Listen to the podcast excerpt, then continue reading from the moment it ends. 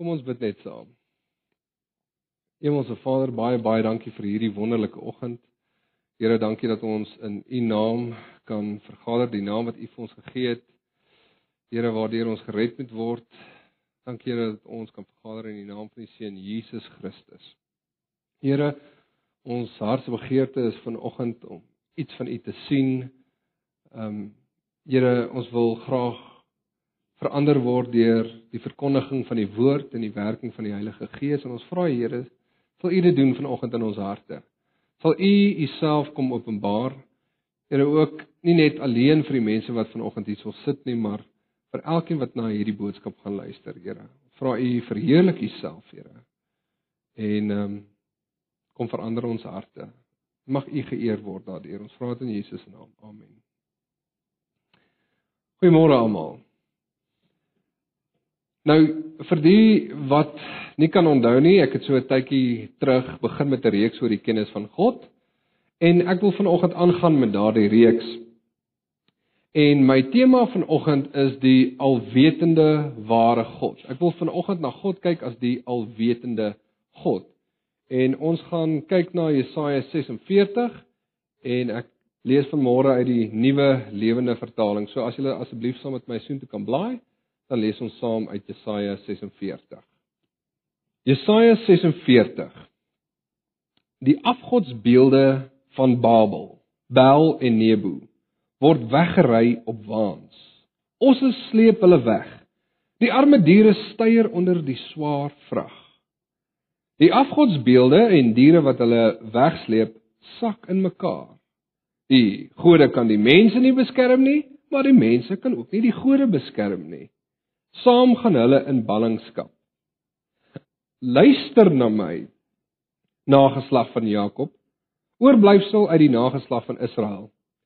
Ek het voorgeboorte vir julle gesorg en julle kleintyd vasgehou.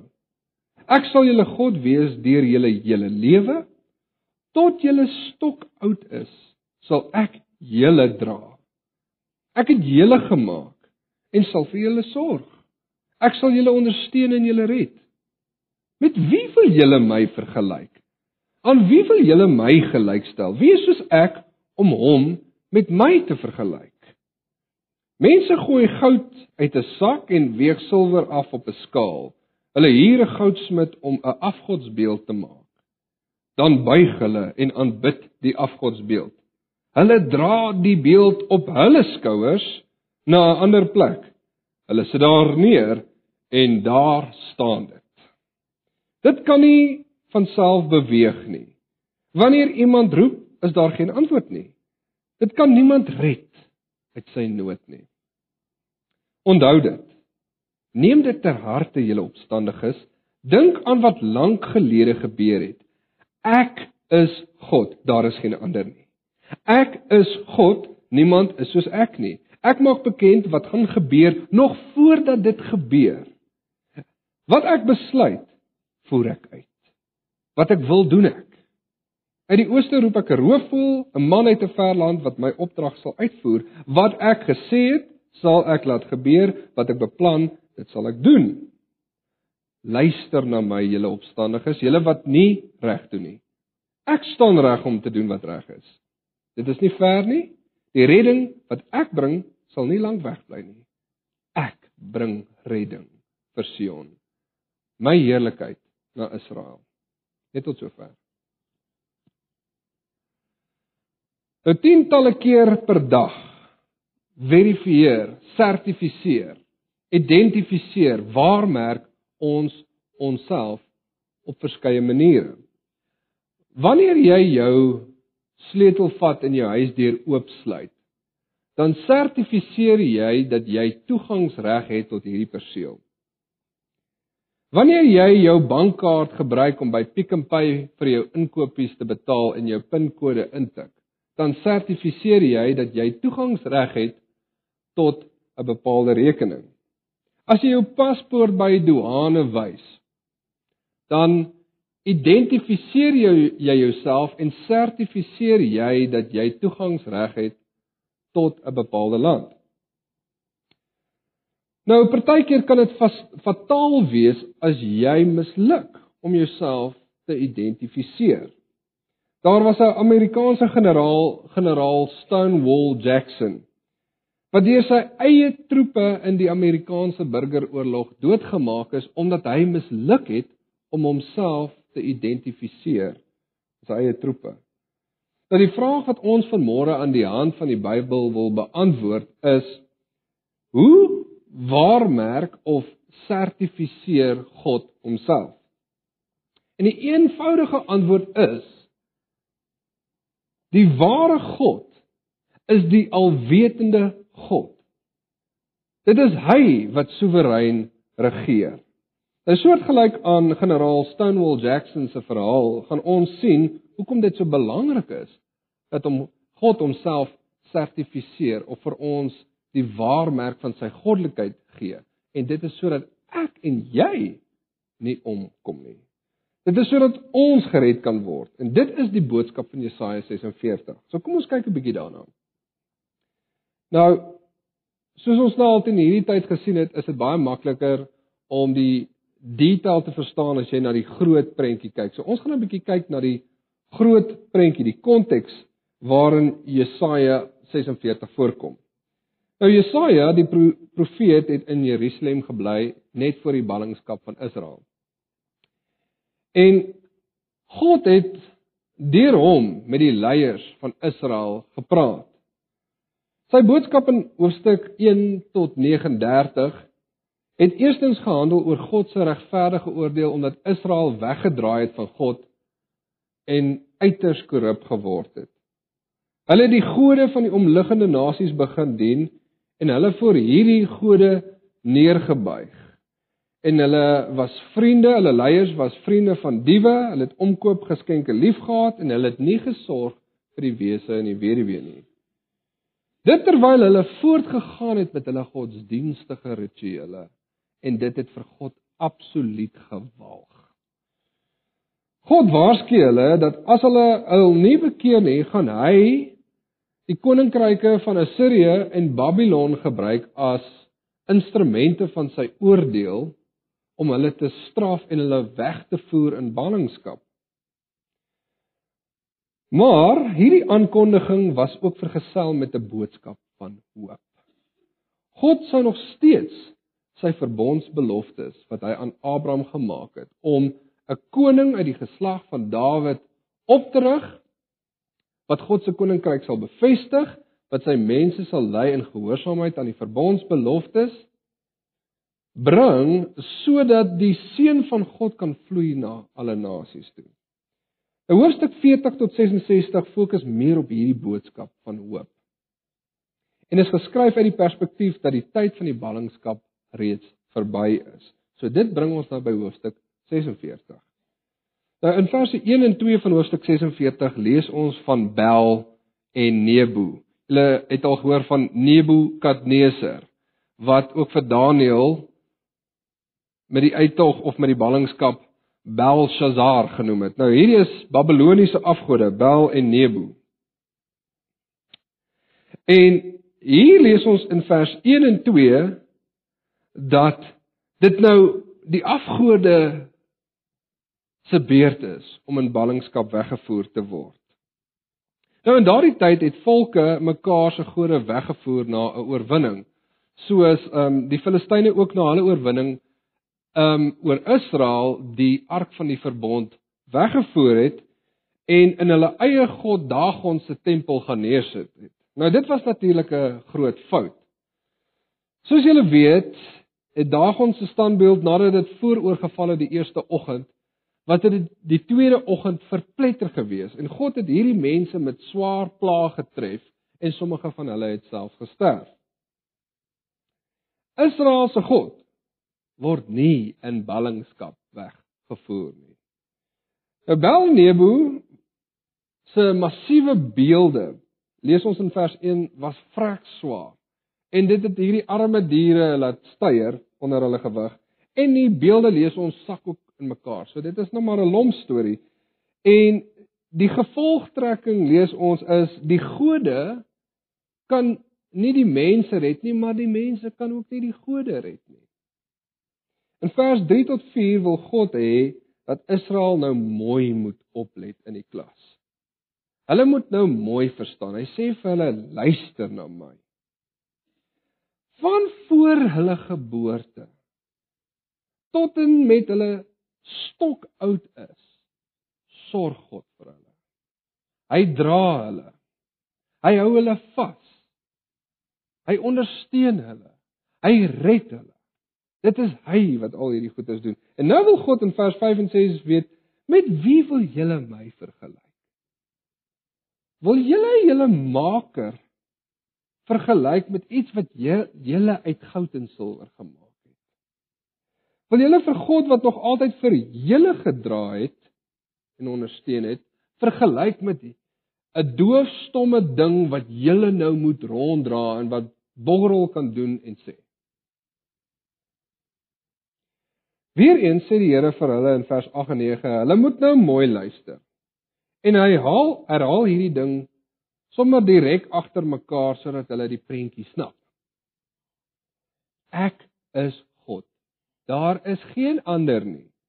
Ek is God. Niemand is soos ek nie. Kry die prentjie. Israel snap die punt. Daar is niks of niemand soos God nie en Jahwe alleen is God. Nou kom God en hy sertifiseer homself. Nou gaan hy die waarmerk gee van sy goddelikheid. En God wys hulle op hierdie unieke eienskap van hom. God is die enigste een wat van die begin af vir jou kan sê wat aan die einde gaan gebeur. En ek lees vir julle hierdie keer uit die ou Afrikaanse vertaling wat die meer letterlike vertaling is. Dink aan die dinge wat tevore was. Van ouds af dat ek God is en daar is geen ander nie. Ek is God en daar is niemand soos ek nie. Wat van die begin af verkondig die einde en van die voortyd af wat nog nie gebeur het nie. Die alwetende God is die ware God. Of dit nou sekere periodes is of die som totaal van die menslike of kosmiese geskiedenis. Van die begin af kan God vir jou al sê wat in die toekoms gaan gebeur. Dit is sy pinkode om te sertifiseer dat hy alleen toegangsreg tot goddelikheid het. Nou dit is 'n argument wat God elders ook gebruik in Jesaja en hy gebruik dit as 'n bewys dat hy die waaragtige is. Nou kyk 'n bietjie saam met my na die volgende teksgedeelte. Blaai bietjie terug net na Jesaja 41 toe. Jesaja 41 vers 22.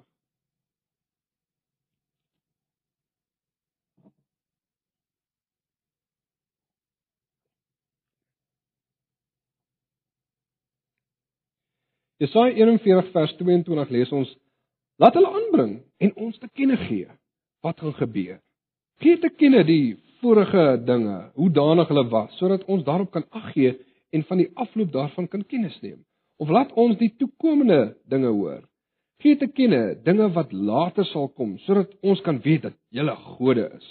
Ja, doen goed of doen kwaad, dat ons verbaas kan staan en dit saam kan sien. Hier sit ons nou in die hof. En die afgode moet nou die bewysstuk lewer van hulle goddelikheid. Maar uit die aard van die saak gaan jy nie 'n antwoord uit 'n stuk klip uitkry nie. God is nie net die alwetende God nie. Hy is ook die God wat soewerein regeer. Vers 10b sê: "Wat ek besluit, voer ek uit. Wat ek wil, dit doen ek." En weer eens herhaal God hierdie gedagte in vers 11 van hoofstuk 46: "Wat ek gesê het, sal ek laat gebeur. Wat ek beplan, dit sal ek doen. So dit is nou die volle waarmerk van God se goddelikheid. Die alwetende God. Die God wat soewerein regeer. Dit is die ware God. Nou wil ek 'n bietjie kyk na die verbintenis tussen God se alwetendheid en sy soewereiniteit. Nou ons het nou nie baie tyd om hierop in te saak nie, so ek gaan dit so bondig as moontlik probeer stel. Nou kom ons kyk eers wat beteken hierdie twee woorde. Alwetend weet ons beteken weet alles, alwetend. Of omniscience, omniscience. alle kennis. God beskik oor alle kennis. So dit het te maak met die ken van alle ware stellings. God ken alle ware stellings en hy glo geen valse stellings nie. Dit is die klassieke verduideliking van God se alwetendheid. As jy in die Woordeboek gaan oplees oor soewerein, wat soewerein beteken, dan sal jy sien dit is om te beskik oor absolute mag. En dit is definitief die getuienis van die Bybel. God beskik oor absolute mag. Nou, die Bybel bring hierdie twee begrippe op baie plekke bymekaar. Vir God om totaal en al in beheer te wees, moet hy alles weet. Nou ek wil bietjie vlugtig kyk na wat God se alwetendheid als behels, want ons kan baie keer hierdie groot woorde gebruik en dan besef ons nie, ons voel nie die gewig van daardie woorde soos alwetend, alomteenwoordig. Jy weet, so kom ons kyk na God se alwetendheid en kyk wat dit als behels. Eerstens, Weens sy goddelike natuur beskik God oor alle kennis wat moontlik kan gebeur. Dit word God se natuurlike kennis genoem. Psalm 147 sê ons Here is groot en ryk aan krag. Sy verstand is oneindig. Sy begripsvermoë, sy kreatiwiteit. Hy kan enige heelal wat hy aan kan dink en dit is ontelbaar hoeveelhede is heelalle of kosmosse wat hy kan tot stand bring kan hy konseptualiseer. Daar is nie einde aan sy begripsvermoë nie. Tweedens, beskik God oor alle kennis van vrye keuses wat sy skepsel sal kan maak sou hulle omstandighede verskil of wat sal gebeur sou hierdie skepsels wat hy gemaak het anders kies. Dit word God se hipotetiese kennis genoem. In 1 Samuel 23 lees ons van Dawid wat vir die Here vra as hy nou afgaan na hierdie spesifieke gebied, Keilah. Gaan Saul ook afkom soontoe? En die Here antwoord hom hy sal afkom. En Dawid vra toe maar sal die ouens van hierdie gebied my oorlewer aan Saul? En die Here antwoord Dawid hulle sal uitlewer. En toe, uit common sense besluit Dawid dis nie 'n goeie idee om na hierdie gebied te gaan nie. En hy gaan toe nie na hierdie gebied nie en Saul kom gevolglik nie af nie. En die mense lewer toe nie vir Dawid uit nie.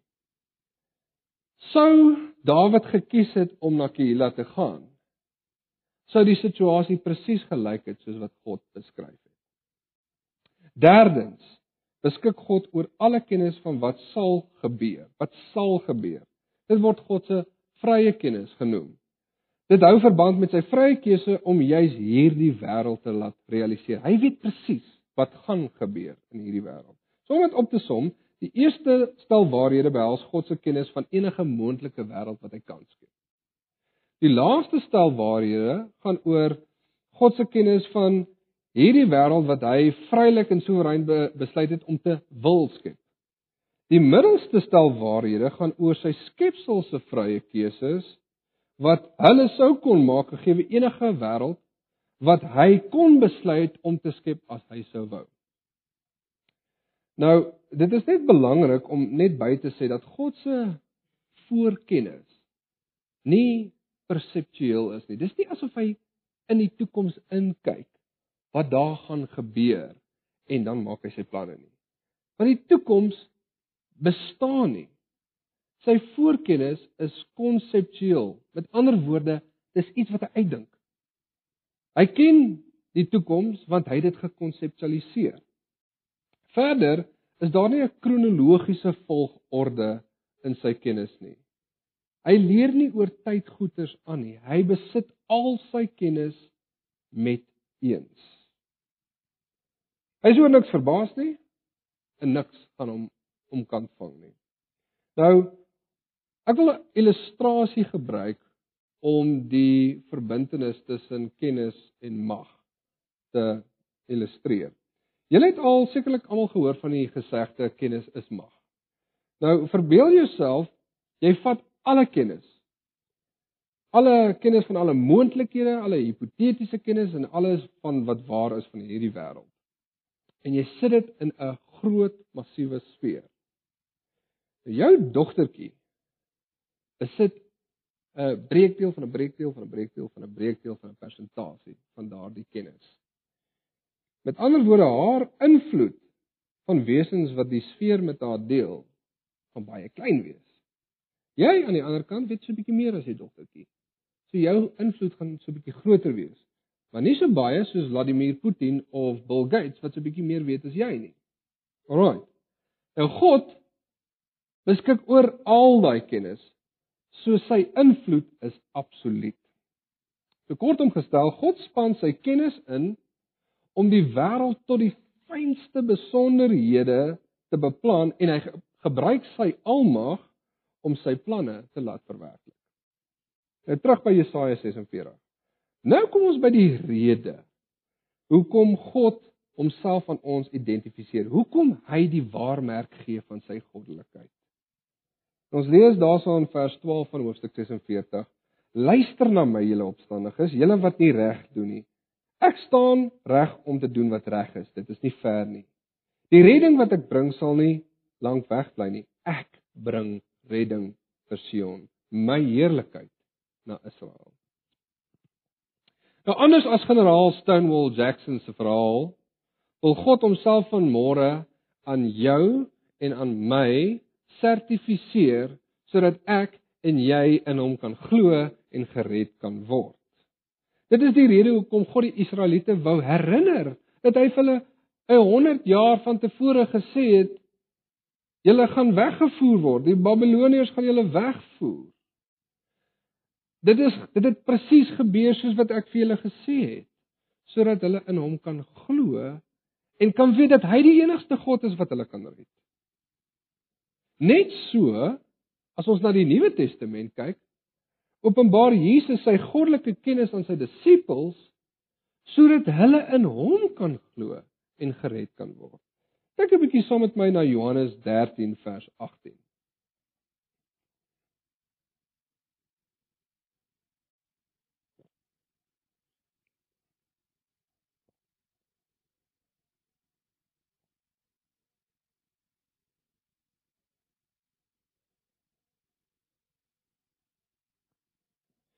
Johannes 13 vers 18 tot 20. Ek spreek nie van julle almal nie. Ek weet wie ek uitverkies het. Hier is sy soewereiniteit. Maar dat die skrif vervul kan word, hy wat saam met my brood eet, het sy hakskeen teen my opgelig. Van nou af sê ek dit aan julle voordat dit gebeur, sodat wanneer dit gebeur, julle kan glo dat dit ek is. En ons weet Johannes het die boek Johannes geskryf sodat ons in Jesus kan glo en deur om in hom te glo die ewige lewe kan hê. Nou net soos Jesaja 46 vers 10 word God se alwetendheid en sy soewereiniteit ook hier in Johannes lees ons Johannes 13 direk aan mekaar verbind. Dit is die waarmerk van sy goddelikheid En hy gee vanoggend vir ons hierdie waarmerk sodat ons in hom kan glo en gered kan word. Nou kom ons kyk hoe ons vandag se boodskap op ons lewens kan toepas. Mense is nog steeds besig met afgoderry. Ons raak net so bietjie meer gesofistikeerd. Ons afgode is tegnologies gevorder. Groot en lomp afgode is soos in so laas millennium. Ons dra ons afgode in ons sak. Hulle sê vir ons wat die weer gaan doen. Wat se moontlike siektes gekoppel kan word aan jou simptome en wat jy daaraan kan doen. Hoe om 'n deur te hang of skeniere in te sit as jy nie weet nie. Wat in die lewe van jou vriende aangaan.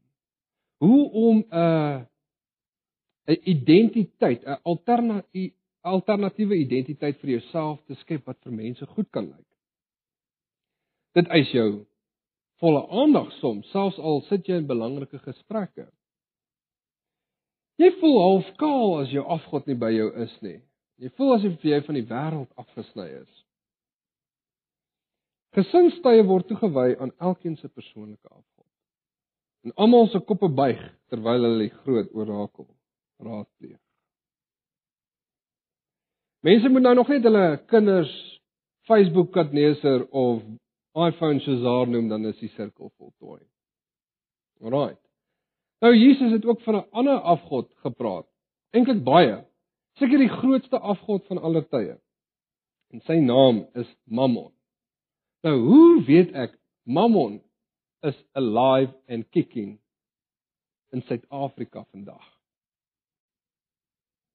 Kyk dit, hoe staan die mense ewe skielik saam? Vat hande saam as daar aan die rand gevat word.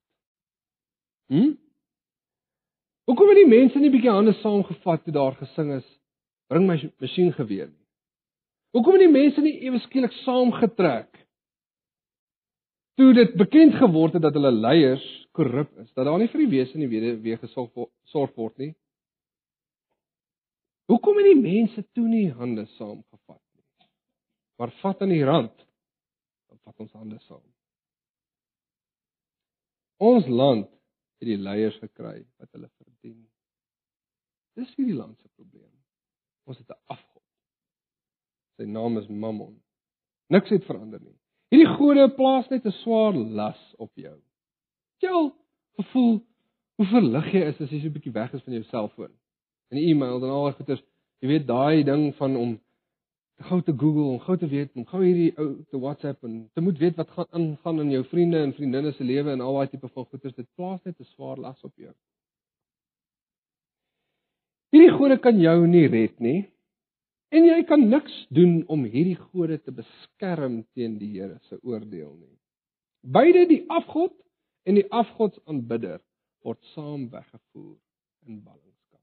Die Here wil hê ons moet van môre mooi Wie het vir jou gesorg nog voordat jy gebore is? Wie hou jou vas? Want toe jy klein was, ondersteun hy jou deur jou hele lewe lank. Voorsien hy vir jou. Die asem wat jy in jou longe het vanmôre is omdat hy dit vir jou gegee het. Hy gee vir ons lewe, asem en alles. Wie kan jou red? Wie kan enigiets doen in jou oor uh, in aan aan die oordeel van God? Wie kan jou daarvan red? Sosiale media gaan nie jou siel voed nie. Dit gaan jou nie dra as jy oud is nie. Nou die mense wat hulle toevlug die allerhoogste gemaak het, wat skuil by hom en hulle vertroue sit in sy seun Jesus Christus sal vind dat die Here vir hulle al gesorg het voordat hulle gebore is dat hy hulle deur hulle hele lewe vashou ondersteun en dra. Dat sy gees hulle sal vashou totdat hulle stok oud is. Al vergeet jou kinders jou en jy sit daar in die oue tyd in daai rolstoel het nie eens meer krag om jou stem hoorbaar te maak nie. En dit kom vir ons almal. Jy daar sit, jy's oud. Jou kop is nog hier. Jou lyf kan nie meer iets doen nie en die wêreld het vergeet van jou. Sal die Allerhoogste jou nie verlaat nie. Sy teenwoordigheid sal by jou bly. En hy sal jou op sy sterk arms die ewigheid indra. Jy kan seker wees hiervan. Omdat dit is wat hy gesê het hy sal doen. Hy het gesê hy gaan sy redding bring, sy heerlikheid. Hy het gesê hy gaan sy verbondsbeloftes aan Abraham nakom om 'n koning op te rig uit die geslag van Dawid wat sy mense sal lei in gehoorsaamheid aan die verbondsbeloftes in deur wie die seun van God na alle nasies vloei, Jesus Christus ons verlosser. God het gesê en hy het dit gedoen. Ek wil afsluit met die laaste twee verse van Jesaja 46, daai laaste vers. Ek staan reg om te doen wat reg is. Dis nie ver nie. Die redding wat ek bring sal nie lank weg bly nie. Ek bring redding vir Sion, my heerlikheid. Jesus Christus die hoop van heerlikheid vir Israel. Die alwetende, soewereine God is die waaragtige God. Jy kan op hom vertrou. Laat hy jou red. Dit jou sorg, ondersteun, vashou. Totdat jy stokoud is en hy jou indra in die ewigheid. Amen.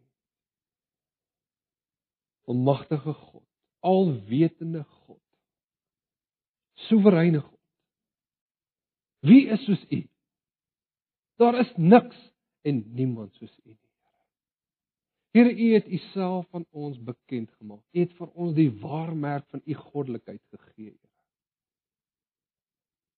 Here, ons is so hart van hart, so opstandig, Here. Here, dring tot ons harte deur, Here.